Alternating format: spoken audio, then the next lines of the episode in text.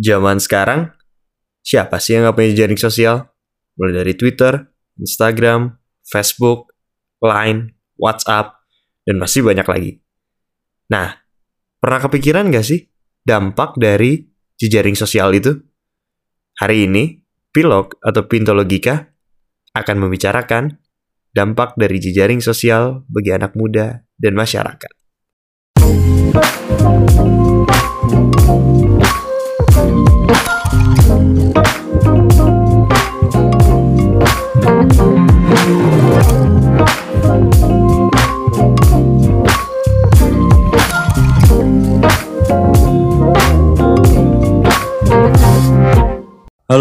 Para logik, selamat datang di Pintu Logika di episode pertama.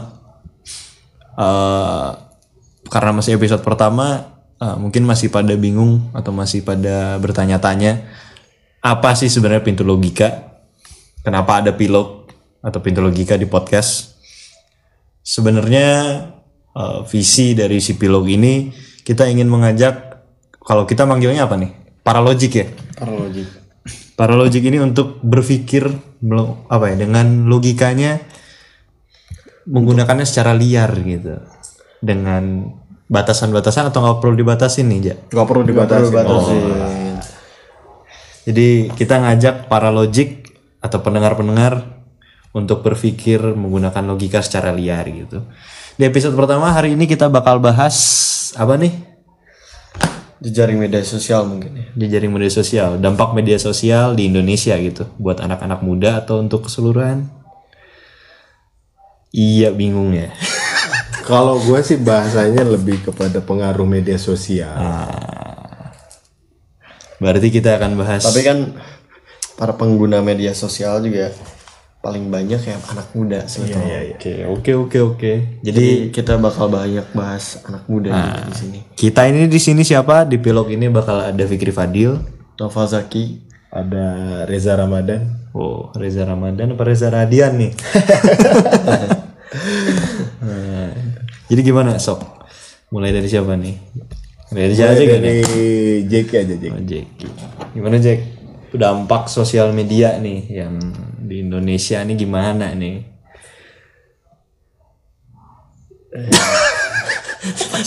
Taruh.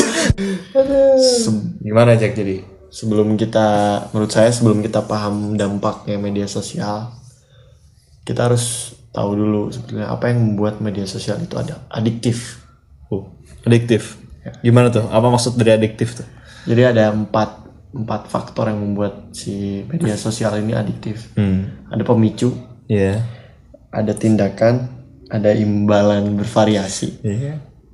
dan ada investasi. Oke. Jadi yang pertama pemicu itu adalah gimana gimana cara kita tahu media sosial. Hmm. Dari mana kita tahu gara-gara apa sih kita membuka media sosial? Hmm. Misalnya eh, media sosial kan menggunakan yang namanya viral cycle time. Hmm. Ya, dia dia memperhitungkan seberapa seberapa lama dia eh, eh, yang namanya viral. Jadi eh, si mungkin media sosial ini bisa cepat viral sama bisa enggak juga sebetulnya. Jadi eh, adiktif media sosial itu karena ada empat tahap tadi. Iya, ada ada yang keduanya tindakan. Yang keduanya tindakan. Sebenarnya dari empat tahap itu yang benar-benar membuat media sosial itu jadi adiktif untuk seorang penggunanya itu sebenarnya di tahap mana sih? Menurut saya imbalan sih. Imbalan. Imbalan. Kenapa di imbalan tuh? Ada dua sebetulnya yang membuat adiktifnya. Imbalan atau imbuhan? Imbalan. Iya imbalan. imbalan dan investasi. Ya, investasi ini investasi gimana? Kita investasi saham gitu di media sosial atau kita apa, masang emas gitu gimana? juga. Kurang jelas ini Bapak Jaki ah. Ya kan belum. Saya saya kalau ngomong santai. Oh iya iya iya. Bukan kayak anak hukum yang di jalanan. gila gila. maaf, maaf. Maaf, maaf, maaf. Kurang ngajar ini. Jadi eh kalau imbalan itu sesuatu yang diberikan sama si media sosial bagi para penggunanya. Hmm. Kalau kita breakdown, misalnya ada aplikasi PL yang lagi booming sekarang, Premier League. Ya. Kita Jangan singkat-singkat pak. PL itu banyak artinya. Iya. ya, Premier League. Jadi kalau bapak menyingkatnya PL itu kalau otaknya negatif bisa lain lagi artinya ya. Rancu Ya. rancu. Pak, Multi tafsir. Enggak di sini Mbak. Nggak cocok nih orang buat RUKUHP ini multi tafsir nanti. Astagfirullah. ya saya saya saya nyebut imbalan ya PL juga bisa imbalan. Oh, iya. Ya, si Premier League ini eh, cara menyampaikan imbalannya melalui skor dari pemain-pemain yang udah kita atur dalam si aplikasinya. Nah, itu menjadi adiktif dia si pengguna itu bisa bisa menjadi adiktif dengan kepo dengan cara kepo dia eh, tentang si status dia di papan mana kayak gitu kan. Eh, dia di peringkat berapa atau poinnya berapa setiap minggunya. Jadi di sisi lain di situ ada kompetisi berarti ya. ada kompetisi ada kompetisi. Jadi eh, ada kebanggaan sendiri dari si pengguna si pengguna aplikasinya untuk menggunakan aplikasinya kayak gitu Jadi di situ membuat adiktif gitu. Kalau menurut Reza nih gimana nih? Reza Rahadian ini. Oh belum beres, ada yang Belum kedua. beres. Yang Sorry, Biarin, sorry. biarin, biarin. Belum biarin. beres, Coba, coba, sama. beres. yang kedua ada investasi Oh investasinya. apa yang kita lakuin secara material atau formil sebetulnya Hmm. bener gak sih? Luar biasa. Udah benerin aja. benerin aja, benerin. jadi jadi biasa. secara materialnya biasanya kita eh, kayak berjualan di sosial media kayak gitu. Mempost kalau secara formal kita memposting foto followers kita yang kayak gitu-gitu. Kan itu sebuah investasi juga. Maksudnya eh, dengan follower kita banyak kan berarti ada investasi uang nantinya yang akan datang kepada si penggunanya gitu Tapi itu ketika ya, ketika followers misalnya bicaranya banyak gitu, dengan jumlah yang banyak, itu akan bernilai investasi. ada ya Tapi ketika itu tidak, misalnya eh, tidak sesuai dengan yang kita bicarakan, misalnya followersnya banyak, atau misalnya dia membuat suatu updatean yang viewersnya banyak, gitu itu bagaimana menurut? Apakah itu tetap menjadi nilai investasi atau gimana? Menurut saya tetap jadi nilai investasi sih. Soal ada ada cerita di belakang si foto. Ya misalnya ada caption di belakang fotonya. Ada cerita, ada value, ada nilai yang diangkat di belakang si eh, investasi-investasi para pengguna di foto-fotonya tersebut. Jadi kalau kalau para pengguna udah ngeposting banyak tuh, kan mereka jadi jadi apa ya? Ketagihan untuk ngeposting ngeposting lagi. Soalnya ketagihan memperlihatkan value-value dia si para pengguna ini kepada ya sharing media sosialnya sosial dianya. Saya gitu sih tetap menjadi investasi. Jadi gitu ya. Eh, logika sederhananya bahwa sosial media itu adalah gaya hidup, gaya hidup. Bukan kebutuhan hidup ya. bukan gaya hidup. Kan? Karena ada value di situ yang Ada value yang ingin ditingkatkan dari personalnya gitu. begitulah investasi Zaki menekankan pada dua kan dari imbalan bervariasi sama investasi berarti lebih ke wilayah-wilayah material-materialnya juga di situ. Kalau gue sih lebih lebih mungkin lebih ngebahas tentang ya dari segi umum aja ya. Jadi kayak eh gue melihat sosial media ini apa pun bentuknya, entah kayak yang live streaming, entah kayak yang eh, ada beberapa aplikasi-aplikasi alay dan segala macamnya. Menurut gue sih lebih kepada gaya hidup gitu loh. Jadi seolah-olah eh lo mau menilai apa lo mau menilai seseorang itu hanya dengan sosial medianya aja mulai dari kebiasaannya eh, apa yang dia pakai apa yang dia eh, mau pamerkan dan segala macamnya itu menurut gue sih ya hanya sebatas wadah untuk memamerkan.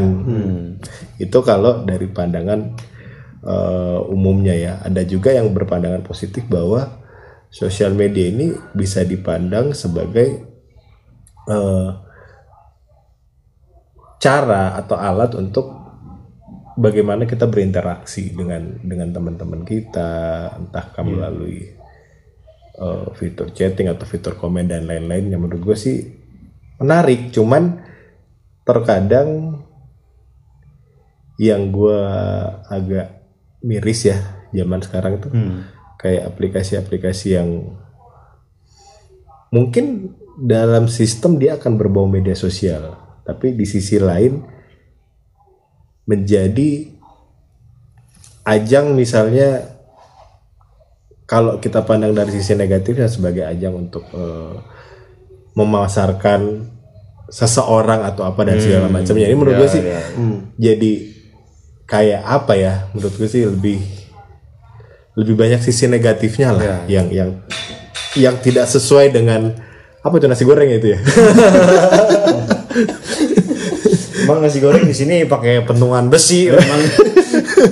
Ya jadi jadi kita ini sekarang jadi, jadi apa? Di jam berapa ya? Jam 12 malam sekarang ini. Kita lagi bikin podcast ya ya cuman itu tadi gue bilang eh, jadi ajang yang menurut gue lebih banyak ke sisi negatifnya ti- yang tidak sesuai dengan budaya-budaya di Indonesia. Kalau gue sih begitu. Ini fokusnya di live streaming atau media sosial secara keseluruhan nih. Ya, Eh, kalau gue sih melihat secara umum. Secara umum. entahkah dia live streaming eh, aplikasi lebay atau yang geser kiri geser kanan ya kan? Matching apa dan segala macam gitu. Ini menurut gue sih ya hampir sama lah semuanya. Ya. dan menurut gue hal itu menjadi lumrah di Indonesia. Menjadi hal yang biasa gitu. Entahkah mencari pasangan dengan fitur geser kiri geser kanan entahkah ada yang dengan lagu entah apa gitu gitu. Gitu yang yang bikin gua gedek tiap hari buka buka instastory itu gitu loh. Iya. maksudnya eh pandangan gue lebih menurut gue tuh ya apa sih menurut gue tolong dong gunain kalau gue kalau kalau gue bisa nih maksudnya tolong dong gunain sosial media ini secara yang lebih bermanfaat lagi entah lu sharing sesuatu atau apa gitu tan tanpa harus lu berbicara alay gitu. Kalau gue sih gitu ya pandangan gue Di kalau menurut gua sih ya sebenarnya kenapa pertama kenapa media sosial atau sosial media atau jejaring sosial ini adiktif? Karena dia jadi jalan pintas. Dia menawarkan kemudahan, dia menawarkan kenyamanan. Dia adalah sebuah alat yang bisa jadiin dijadiin jalan keluar ketika kita bosan gitu. Ketika kita lagi ngantri, nggak tahu apa yang mau dilakuin. Kalau orang dulu, karena nggak ada jejaring sosial, ya dia bisa berinteraksi di sekitarnya, dia bisa memperhatikan sekitarnya.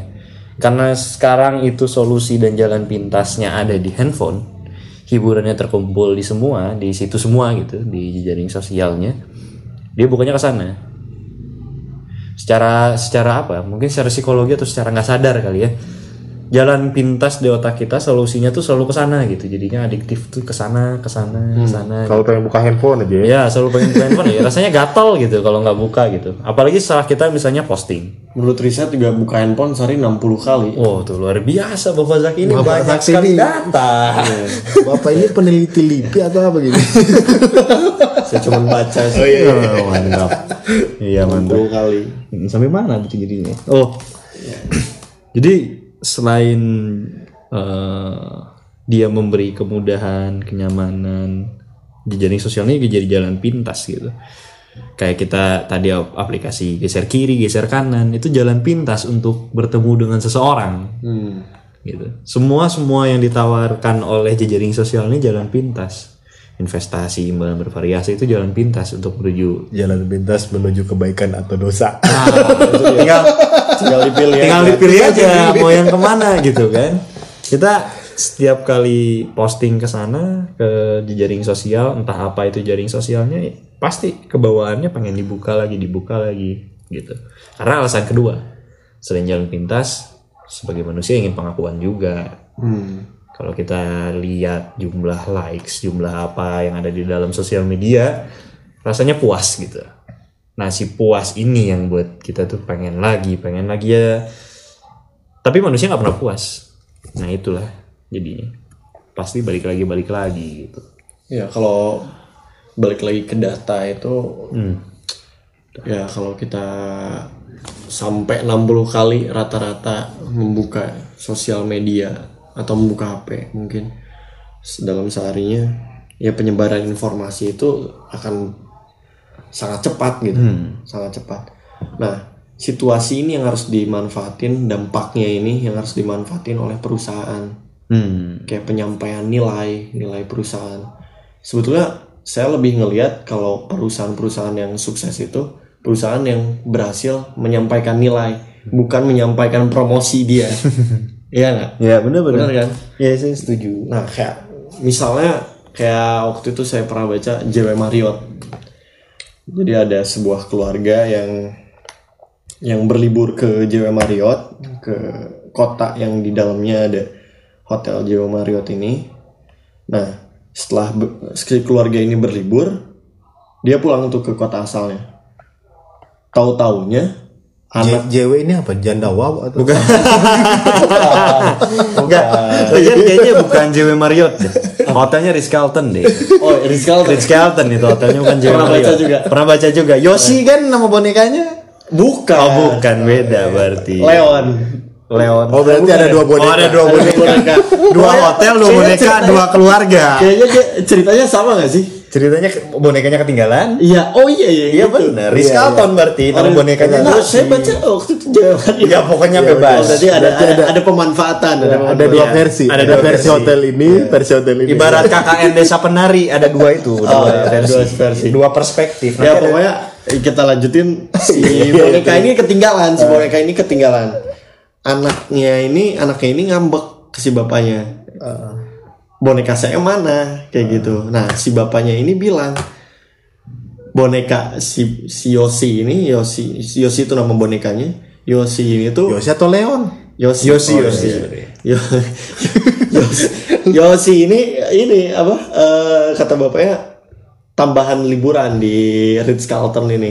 Nah, momen ini dimanfaatin dengan baik sama eh, pihak hotel Ritz Carlton ini dengan cara si bap eh, pokoknya alur ceritanya bapaknya ngirim email ke ke Ritz Carltonnya Ritz Carltonnya tahu bahwa bapaknya beralasan si eh, si bonekanya tambahan liburan di Ritz Carlton. Nah, manfaat eh, si situasi ini dimanfaatkan dengan baik sama Ritz Carlton.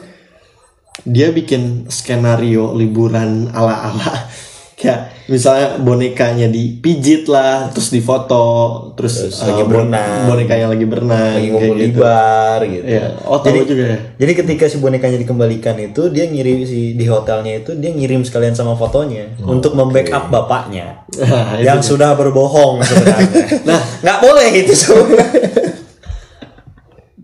dampak ini value value dari si Ritz Carlton ini ya jadi viral gara-gara bapaknya ini ngeposting di media sosial. Dampaknya langsung terasa sama si sama si Ritz Carlton ini. Ya menurut saya nilai tambah lah bagi Ritz Carlton ini. Itu dampak positif dari sisi PR ya, public relation, dari sisi branding. Mungkin, ya. mungkin kalau Kak eh, Reja ini punya pandangan apa nih terhadap dampak media sosial di Ya Indonesia. kalau gue sih melihatnya dampaknya eh karena gue juga memainkan beberapa sosial media, eh, bukan memainkan, menggunakan lah. Istilahnya ada yang eh, aplikasi live streaming, ada yang lain-lain dan menurut gue sosial media itu tergantung personalnya lagi. Mereka menggunakan dengan cara yang negatif atau yang positif. Misalnya kita masuk di aplikasi eh, live streaming yang pandangan orang ketika gua menyebutin aplikasi itu mungkin orang akan berbicara oh ini aplikasi buka-bukaan ya? Oh yang gini-gini aplikasi ya. buka puasa ya? buka puasa ya. Yang, yang, yang bikin batal puasa ya. Kalau gue sih mikirnya gini loh. Setiap eh, pengguna aplikasi pasti ada yang positif ada yang negatif. Mungkin ketika berbicaranya aplikasi itu pandangan orang akan langsung berpikir lu ngapain sih install gituan? Gitu kan? Pasti orang berpikir itu kan yang gini-gini yang seksi-seksi apa dan segala. Menurut gue sih balik lagi ke individunya balik lagi ke personal. Maksudnya lu menggunakan aplikasi itu untuk melihat hal yang negatif atau mencari hal yang positif gitu loh. Tanpa lu menggunakan aplikasi itu menggunakan aplikasi itu pun lu bisa melihat hal-hal yang negatif dengan dengan dengan cara yang lain gitu. Mungkin hanya hanya berbeda bagaimana caranya eh, entahkah kalian berfantasi atau segala macamnya gitu loh. Cuman kalau gua berpikirnya aplikasi ini masuk ke Indonesia justru benar-benar lebih dari 60% itu merusak. Menurut gue ya. Yang tadinya tidak tahu ujung-ujungnya eh, mencoba mendownload apa dan segala macamnya sekedar melihat kok ada konten seperti ini. Nah, ini jadi menarik gitu kan. Asik juga, Asik juga iya ya kan. Ukurannya berapa nih? gitu. Sepatu. sepatu maksudnya, sepatu. Marketplace yang dibuka. sepatu ya yang gue maksud sepatu nih ukuran nih jangan salah paham dulu lu Jack ya kan Iya, iya, iya, ketika ketika membuka itu orang langsung berpikir loh kok hal ini bisa dibebaskan gitu loh? Apakah memang eh, hal hal-hal semacam ini tuh tidak ada undang-undangnya di Indonesia? Kalau menurut gue sih ada sebenarnya. Cuman eh, ketika sudah masuk ke ranah ini ya itu yang gue bilang lagi. Gue balik lagi apakah hukum bisa menyentuh ini apa enggak gitu loh. Kalau ini gue yakin di atas 60% udah merusak. Wah, merusak semuanya gitu loh. Ketika lo buka pertama kali tampilannya eh, si apa apa sih namanya? aplikasi, aplikasi. Apa sih namanya kayak template ya? Fits. Ah, feeds. Oh, Timeline. feeds, feedsnya udah kotor. Ah, feeds feeds feeds awalnya tuh lo udah melihat ini yang bajunya setengah jadi, ini yang kainnya belum cukup ya kan gitu-gitu maksud gua itu udah ter men-trigger orang untuk masuk ke situ untuk melihat gitu loh.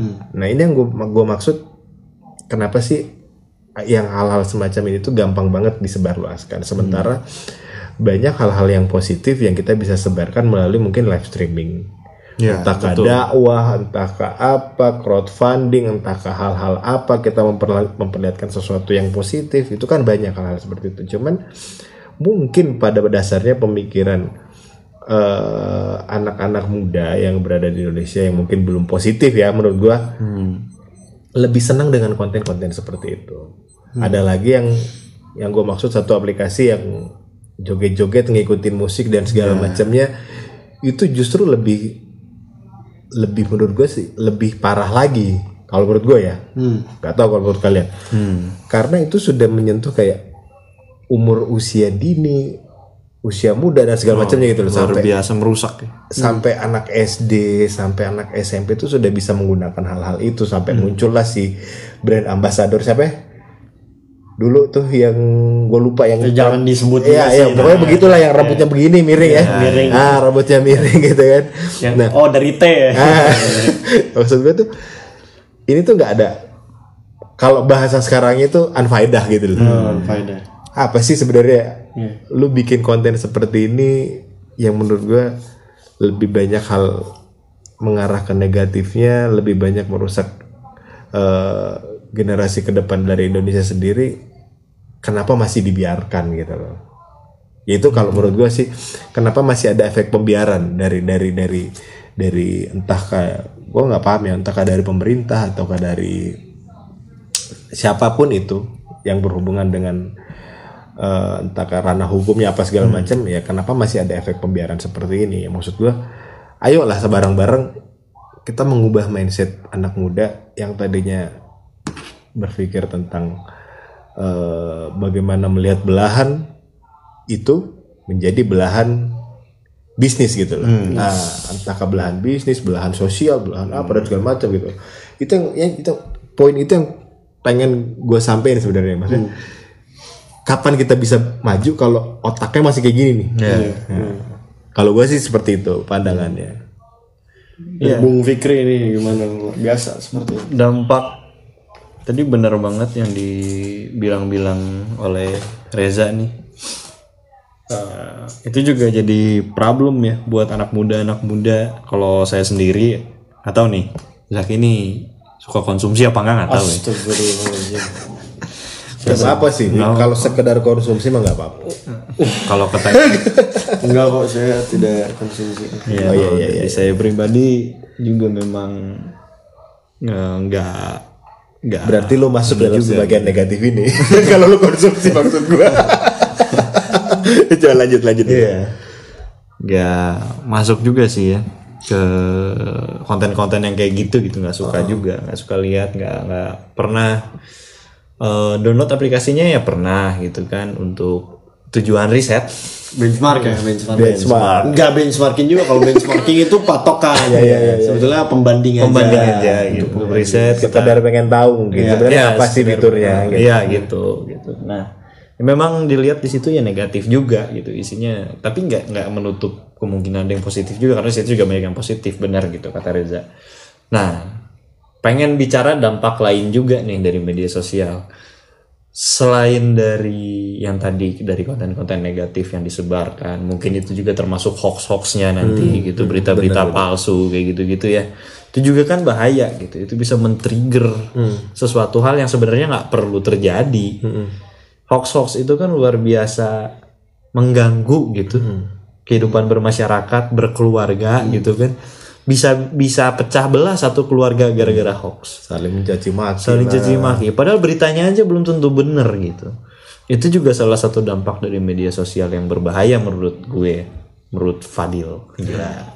Nah itu yang gue maksud juga dalam artian gini, kadang-kadang kita sebagai eh, pengguna sosial media kadang melihat hanya sekedar postingan, repost atau apalah segala macamnya tanpa kita mencari datanya dulu, menganalisa dulu apakah benar berita ini, apakah benar seperti ini. Nah ini yang gue maksud kapan kita cerdasnya kalau kita nggak bisa menganalisa sosial media berita-berita apa aja nih yang masuk ke dalam sini nih.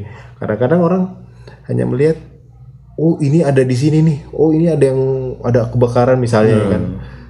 Tahu-taunya berita itu hoax juga. Orang ini berita udah tersebar nih ke mana-mana. Orang udah percaya bahwa ini kesalahan ini kesalahan kesalahan. Ujungnya kan salah. Nah maksud gua, gue sih pengennya sebagai pengguna sosial media teman-teman yang lain atau kayak yang pendengar apa para para logik ini mulailah ber- mengenali berita gitu loh. Pelan-pelan menganalisa sumbernya dari mana. Maksud gua itu paling pertama sumbernya dari mana apakah benar beritanya sep- seperti ini ataukah memang menyalahi dari faktanya gitu loh. Nah dari situ kalau kita sudah bisa membedah itu menganalisa suatu berita atau suatu postingan baru kita melihat ini wajar untuk diposting apa tidak? Wajar untuk di repost apa enggak gitu. Jangan sampai kita hanya menja- menjadi apa ya penyebar hoax ujung-ujungnya terkena hukum dan segala macamnya. Itu yang- itu yang itu sangat disayangkan sangat disayangkan gitu loh perlu sekali berpikir sebelum klik gitu. Kalau kata BSS kan. Sebetulnya bagus juga sih dampak literatur online ini eh, kepada ya budaya membaca di Indonesia yang cuma 2% kalau nggak salah. ya nggak tau lah bapak data sama anda aja. kalau kalau nggak salah kalau gue masih sering baca kalau gue sering baca. Ya gue juga sering baca. Tapi nggak tahu baca apa ya, ya. nah itu dia. Para logik eh ya para logik mungkin ya kita semua. Mungkin eh, harus di dia apa, dipilah juga. Si bacaan-bacaan itu sebelum di repost sebelum di- menjadikan itu double branding yang kayak gitu-gitu. Soalnya saya juga ngelihat ada lembaga agregat yang apa lembaga koran yang sudah teragregas agre, terakreditasi atau gimana? Agregat agregat Agre, akreditasi boleh lah. Jadi dia dia dia mi- eh, ngemisahin dua sebetulnya. Yang yang benar-benar dia keluarin yang dia publish secara corporate. Sama dia ngebiar ngebiarin ada wadah untuk para jurnalis berkembang. Ya kan? Tapi ini nggak dikurasi secara signifikan sebetulnya. Nah jadi si para pembacanya juga harus memilah sebetulnya. Dan mempercayainya juga harus ada ya apa namanya? Kurasi-kurasi dalam diri sendiri kayak gitu. Di jadi kalau gimana ya kalau itu udah beres. Belum kalau maksud saya kalau yang kalau yang belum kalau nggak dipublish secara corporate ya kita harus lebih hati-hati lah. Hmm. Di internet ini kan sebenarnya atau di media sosial ini kan sebenarnya posting yang sudah masuk bisa dilihat jejaknya. benar Sebenarnya mudah gitu. Taruhlah cuman malas mencari tahu Nah, aja itu. kadang-kadang gitu kan Nah, kayak misalnya video orang digebukin misalnya. Tanpa konteks bisa dimasukin di mana aja tempatnya. Bisa dimasukin apa aja konteksnya. Kalau misalnya kita bisa lihat, kita lihat tuh videonya, jejaknya kita telusuri, bisa aja itu video dari tahun lalu. Benar. Oh. Dipakai konteksnya sekarang. Dengan keadaan yang lagi panas misalnya di negara. Itu kan jadi jadi apa ya jadi percuma gitu. Memanas-manasi hal yang nggak perlu jadinya gitu. Jadi apa yang diposting itu sebenarnya ada jejaknya jadi bisa dilihat sebenarnya cuman masalahnya gini pengetahuan eh, orang untuk mencari tahu kebenaran suatu berita itu kurang. Pertama kenapa? Yang gue lihat ya adalah cara mengoperasikan sosial medianya pun masih banyak yang belum paham. Hanya sekedar tahu posting entahkah salah satunya entahkah aplik misalnya aplikasi live streaming cuma tahu live cuma tahu apa cuma tahu apa atau aplikasi yang eh, berbasis eh, seperti posting foto dan segala macamnya atau posting video atau story dan segala macamnya. Nah itu yang gue maksud kadang-kadang orang-orang ini masih kurang mengerti sebenarnya fiturnya apa. Ya. Terus bagaimana cara mengoperasikannya dengan benar? Gitu loh. Nah itu yang gue maksud memang banyak yang tahu hanya sekedar menggunakan tapi untuk mentelusuri kebenaran ini kebenaran itu itu masih jarang orang yang pengen mengenal cara itu bagaimana sih sebenarnya.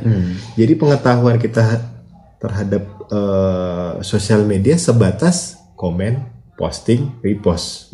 Gitu loh. Ya, ya. maksud gue sebenarnya ada hal lain yang tidak diperkenalkan di tidak mungkin fitur fitur-fitur itu mungkin tidak diperkenalkan oleh sosial media gitu loh.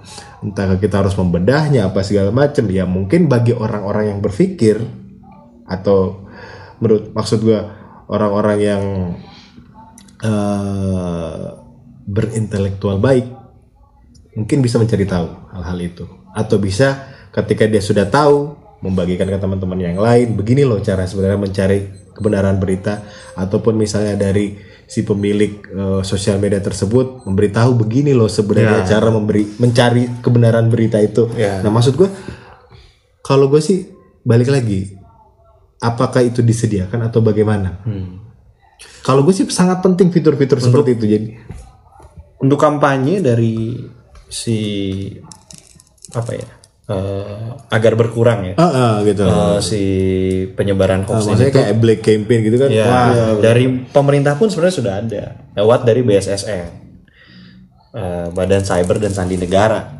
Itu sering bikin seminar juga. Tapi memang nggak kurang lah kalau kita cuma mengharapkan pemerintah sebenarnya. benar. Mungkin harusnya mungkin ya eh, dari lingkungan juga bergerak. gue diharapin sama pemerintah ya Gak, gak. terus terus dari lingkungan maksudnya dari lingkungan harusnya bergerak gitu. Iya. Jangan jangan misalnya satu RT lah kita bilang Hmm. satu RT. Sebenarnya kalau sekali-kali kegiatan RT lah taruh ya nah, untuk Hmm. Mengedukasi ya. mengedukasi gitu. Penggu- bagaimana cara menggunakan sosial media dengan baik dan benar ya menurut gue itu salah satu program-program yang bagus untuk masyarakatan gitu loh dan itu penting Penting itu. penting banget itu dari pembacanya juga kita harus menjadi pembaca yang advance sebetulnya ya itu menjel- men- menyelidiki jejak yang kayak tadi Iya. mungkin solusinya juga ada di para platform-platform yang harusnya meng- mengumpulkan data awal tuh lebih lebih terperinci kayak segmentasi umur jadi umur-umur ya bebas sebetulnya mendukung literasi juga kan sebetulnya jadi umur tapi di di segmen segmen segmen gitu jadi anak-anak segmentasinya ya Ya ada segmentasinya. Jadi anak-anak yang membaca ya bagus, tapi sesuai porsinya. Itu itu didapat dari mana? Didapat dari data awal yang dikumpulin sama platform. Sebetulnya teknologi di Indonesia atau di ya teknologi sekarang udah udah bisa membagi-bagi yang seperti itu kayak gitu sih ya Coba itu tadi balik lagi. Eh, ketika teknologi itu bisa, orang mau nggak menggunakannya? Orang tahu nggak menggunakannya? Itu pertanyaan besarnya sebenarnya. Nah, pentingnya lagi tadi gue bilang eh, adanya edukasi ke masyarakat. Sebenarnya entahkah dimulai dari tingkat lingkungan, tingkat RT, RW dan segala macamnya. Nah itu pas sangat-sangat penting menurut gue, karena eh, balik lagi tidak semua orang paham tentang menggunakan sosial media dengan baik dan benar. Apalagi misalnya yang baru mengenal handphone, ya kan? Entahkah itu berada di daerah, entahkah itu eh, yang sudah berumur. Ya kadang-kadang kan ini orang-orang tua juga hanya sekedar melihat beritanya, tiba-tiba repost, Ya. atau dia masukin ke salah satu grup message-nya dia, habis itu dia kirim, dia sebar dan segala macam, dia broadcast gitu kan. Nah ini maksud gue, tiba-tiba ada bercerita, ini kejadian begini begini begini, tanpa kan dia juga dia belum tahu juga ini sebenarnya kebenaran beritanya apa enggak gitu. ya itu dia membaca advance itu. Ah, maksud gue sangat penting gitu loh edukasi sosial media itu menurut gue sih, menurut gue pribadi itu sangat sangat penting. Mungkin kalau gue eh paham lah sedikit sedikit ah, istilahnya apa sih sebenarnya bagaimana kita menggunakan sosial media dengan baik dan benar. Cuman ada beberapa orang yang yang gue maksud yang lu maksud tadi yang jadi maksud itu kayak segmentasi itu Iya. ini ada yang belum paham sebenarnya hanya sekedar melihat hanya sekedar membaca menonton tiba-tiba repost nah ini yang maksud gue itu bagaimana cara mereka ini benar-benar harus mengenal dulu penggunaan sosial media jadi ke depannya ketika dia sudah menjadi yang advance itu yang lo maksud ya udah lo bisa memilah gitu loh ini berita yang benar-benar bagus ini berita yang benar-benar eh, hanya sebatas black campaign atau hanya untuk menjelek-jelekan personal ya itu maksud gue yang gue bahas Iya. Sebenarnya kalau dari hoax, kalau misalnya campaign gitu kita ngomongin campaign, ya para logik mungkin udah ada yang tahu atau ada yang belum tahu. Harus juga kita pilah itu mana yang campaign, mana beli campaign, mana negatif campaign. Karena orang suka tertukar nih negatif campaign sama beli campaign. betul betul Beli campaign itu benar-benar fitnah. betul Negatif campaign itu belum tentu fitnah. Itu bisa jadi fakta tapi yang jelek. Gitu. Jadi jangan sampai tertukar gitu. Negatif campaign dan black campaign itu juga perlu. Itu sebagai salah satu cara untuk mengetahui gitu. Kalau misalnya masalah kampanye atau apa gitu. apalagi zaman-zaman pilpres kemarin ya, itu, itu luar biasa itu black campaign negatif campaign semuanya muncul itu Nah, gitu gitu. Maksudnya untuk menghindari yang enggak-enggak kita bisa lihat mana fakta, mana non fakta, mana fitnah gitu. sampai banyak yang menyediakan layanan buzzer untuk menyebarkan berita hoax itu ada juga. Jadi bisnis ada juga jadi bisnis juga. Itu jadi bisnis juga cuy ya kan? Makanya gue bilang nih ladang semua nih ladang duit semua. Mau berita jahat mau berita baik iya, semua jadi duit gitu loh. Ya, para logik ini janganlah sampai kena hoax gitu. ya janganlah sampai ikut-ikutan saran-saran kita hoax. sih buat para logik ya lebih smart lah menggunakan sosial media. Kalau bisa lebih kalau melihat suatu berita atau lebih baik dianalisa dulu di- dilihat dulu sebenarnya sumbernya dari mana apakah dia media kredibel atau apa gitu, dan segala macamnya dan itu bisa di- dipilah gitu loh. Oh ini enggak ini benar ini enggak ini benar gitu loh. Maksud gue seperti itu. Jadi kita semakin kita membedah semakin kita cerdas. Iya. Satu lagi nih kayaknya. Ada nih dampak sosial media buat Gen Z mungkin sama milenial, generasi Z dan milenial nih khususnya. coba dari fikirnya dulu aja Dampak media sosial ini ini pertanyaan dulu dong. Oh. Dampak siap siap siap siap siap pak siap pak dampak media sosial ini kan salah satunya mendorong globalisasi. Hmm, yang gimana itu? Dia membawa budaya dari luar Benar, ke dalam. benar, benar itu. mungkin ada dampak positif ada dampak negatif nih gimana nih? Menurut Reza menurut Zaki menurut Fikri Fadil?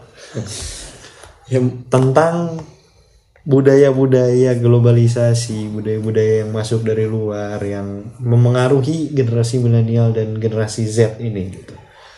Gimana nih? Apakah ini positif apakah ini negatif? Bagaimana ke depannya atau gimana nih?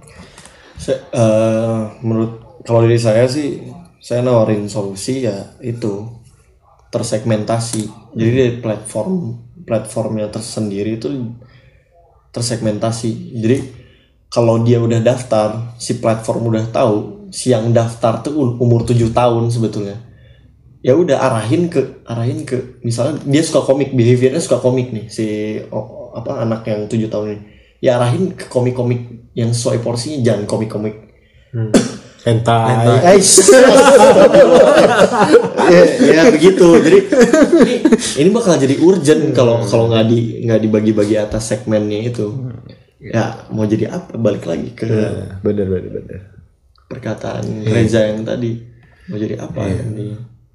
Ada nggak sih ada dampaknya nggak sih ke perubahan sikap dan oh pasti Oh, sangat pasti. banyak sangat banyak maksud gue gini eh, anggaplah ada salah satu sosial media yang berbasis eh, live streaming atau berbasis geser-geser kiri geser kanan gitu. Lah itu sekarang menjadi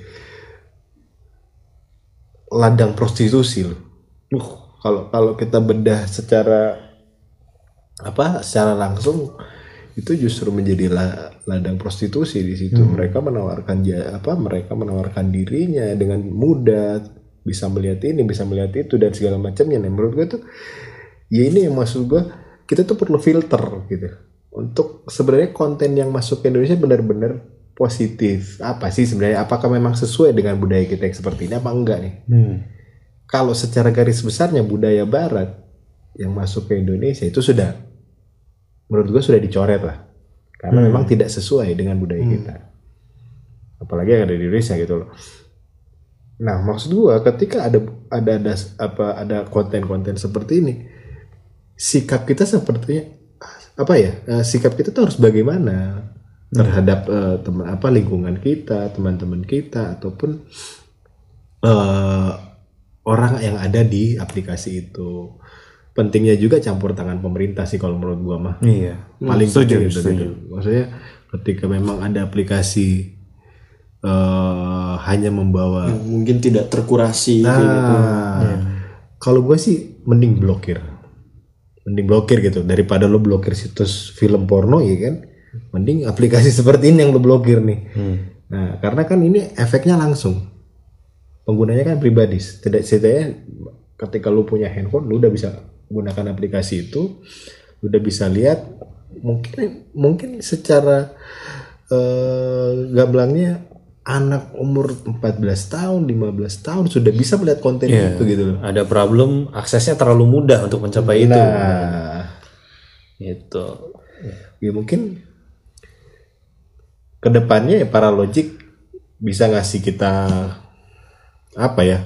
Saran mungkin. saran ya mungkin ya. Apa yang perlu eh istilahnya yang ikut turun tangan di sini tuh siapa aja Ya, gimana sih cara mengatasinya gitu ya? Cara mengatasinya mungkin kita bikinnya konten-konten berikutnya. Bagaimana sih sebenarnya kita discuss lagi mungkin dengan para logik bagaimana sebenarnya cara mengatasinya hal-hal yang seperti ini? Iya. Entahkah kita bikin sesuatu aplikasi pembanding ataukah kita bikin aplikasi yang istilahnya eh, benar-benar menggambarkan budaya Indonesia itu seperti apa? Ya balik lagi ke para logik kalau menurut gue sih. Kalau dampak globalisasi tadi kalau menurut Fikri Fadil? Di panjang ngomongnya. Kok jadi pelan kalian ngomong? Ya jadi Sesuai pesan yang disampaikan Iya. sebetulnya. siap siap siap. Salah salah. lagi, lagi men ya hasil ya sok sok sok saya nggak jadi ngomong deh saya gitu kan oh shit nggak usah marah-marah gitu dong. Nggak sengaja marah tadi. Jadi jadi dampak globalisasi ini juga kalau menurut gue ya Iya. yang paling dikhawatirkan tuh pencampuran nilai. Hmm. tegas betul ya. Pencampuran nilai ini apa ya agak sedikit merepotkan jadinya gitu. Untuk para anak muda generasi Z dan ada muda yang menuju ke atas dewasa tua gitu generasi milenial. Pencampuran nilai ini jadi ngebuat kita sebagai bangsa tuh rancu gitu. Mana nilai yang harus kita pegang? Kita jadi nggak punya karakter nanti lama-lama. Karakter dari seorang rakyat Indonesia tuh jadi nggak ada gitu nantinya. Hal-hal yang ada di Pancasila bisa-bisa lama-lama hilang gitu. Betul betul. Betul betul ada secara simbolis tidak ada dalam prakteknya jadi bahaya gitu kalau kayak gitu kan. Contohnya tuh contohnya, contohnya lagu kebangsaan. Mana hafal? Saya apa kalau dinyanyiin tapi terlalu lama kayaknya.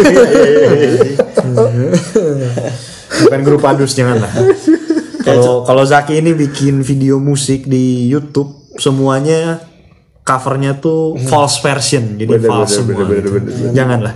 Kalau kalau para logik menginginkan saya eh kan lihat gitu ya ya saya buatin. Jangan jangan jangan sampai. Oh, jangan. jangan sampai. Bahaya ya. Jangan sampai. Nanti eh, anda terlalu viral.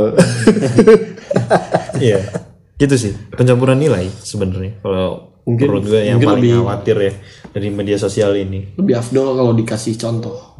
Coba mungkin paling ini yang paling aman ya. pemikiran-pemikiran sih. Oh. liberal komunis. Paham-pahamnya ya. Paham-paham. Gitu.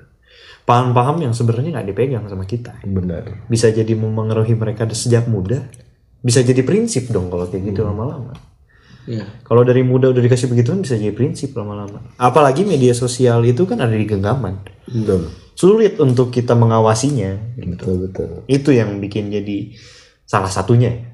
Kalau misalnya ada hal-hal lain yang mungkin tabu yang mungkin gak enak juga buat saya omongin di sini gitu. Oh, buat ngomongin di sini. Jadi salah satu contoh konkretnya mungkin penyempurnaan nilai yang seperti itu gitu.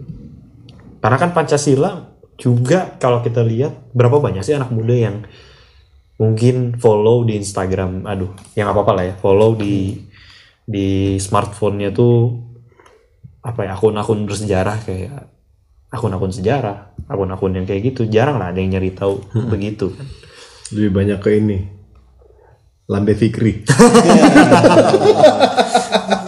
Hal-hal yang seperti itu juga agak mengkhawatirkan sebenarnya. Jadi hal-hal yang sebenarnya nggak penting jadi penting gitu kan kalau di sosial jangan lupa follow Lambe Fikri. Gitu loh. Jadi ya takutnya pencampuran nilai dan buat karakter dan nilai yang dipegang dan dimiliki oleh bangsa Indonesia ini jadi rancu. Takutnya gitu sih kalau pikir ya sih kita berharapnya para logik ke depannya bisa lebih smart lah menggunakan sosial media eh kalau perlu mengedukasi juga kepada sekitarnya bahwa sosial media itu seperti ini seperti ini seperti ini banyak hal yang positif yang bisa kita sebarluaskan kepada teman-teman atau keunggulan yang bisa kita Oh iya, manfaatin benar, juga. benar, benar, benar. Maksud gua eh, biar kita ini menjadi pengguna sosial media yang smart gitu loh, bukan hanya sekedar sekedar tahu menggunakan tapi tidak menggunakan pikirannya untuk bagaimana cara mengoptimalkan gitu. nggak ikut terjun gitu pikirannya. Malah terjun bebas entah ke mana. Ih, Nah, gitu kan. Jadi para logik nih pikirannya jangan terjun bebas gitu. Gak apa-apa, masuk di pintu logika itu memang kita harus liar. Eh, iya lihat tapi jangan Tapi jangan terjun bebas, mati ntar. nah gitu. Oke deh kita akhirin aja kayaknya udah terlalu panjang ya hari terlalu ini. pagi juga udah ya. terlalu pagi juga kita pengen tidur. Malor dulu ya. malor dulu malor martabak telur gitu kan. Iya. Jadi gitu dampak sosial media menurut kita. Mungkin ada menurut para logik juga. Bisa disampaikan juga ke kita. Bisa disampaikan ke Fikri Fadil ke Noval Zaki ke Reza. Ini lewat mana nih kalau mau nyampein pendapat? Dan ini lewat mana? Kalau gua bisa di follow di eh apa Pilok Indonesia bisa Pilok Indonesia aja. di Instagram ada ya Pilok Instagram Indonesia aja di Pilok Indonesia. di Twitter juga ada ya Pilok ada Indonesia ada. Semuanya ada di situ. Sil- Disilahkan disampaikan di situ. Kalau perlu follow dulu guys ya kan. iya Mau disampaikan tapi nggak di follow percuma. ya kan gua nggak gua follow back ya. gitu tapi jangan cari di aplikasi geser-geser. ya kan nemu lagian susah nemunya kan random gitu kan ya saya mau minta maaf aja kalau ada kata-kata yang kurang berkenan Ya, gue juga Reza Ramadan meminta maaf ketika mungkin ada perkataan gue yang kurang berkenan lah buat para logik. Hmm. Sama. Pikir Fadil juga begitu. kita akhiri saja saya Naufal Zaki Saya Reza Ramadan. Dan saya Fikri Fadil. Sampai jumpa di episode berikutnya.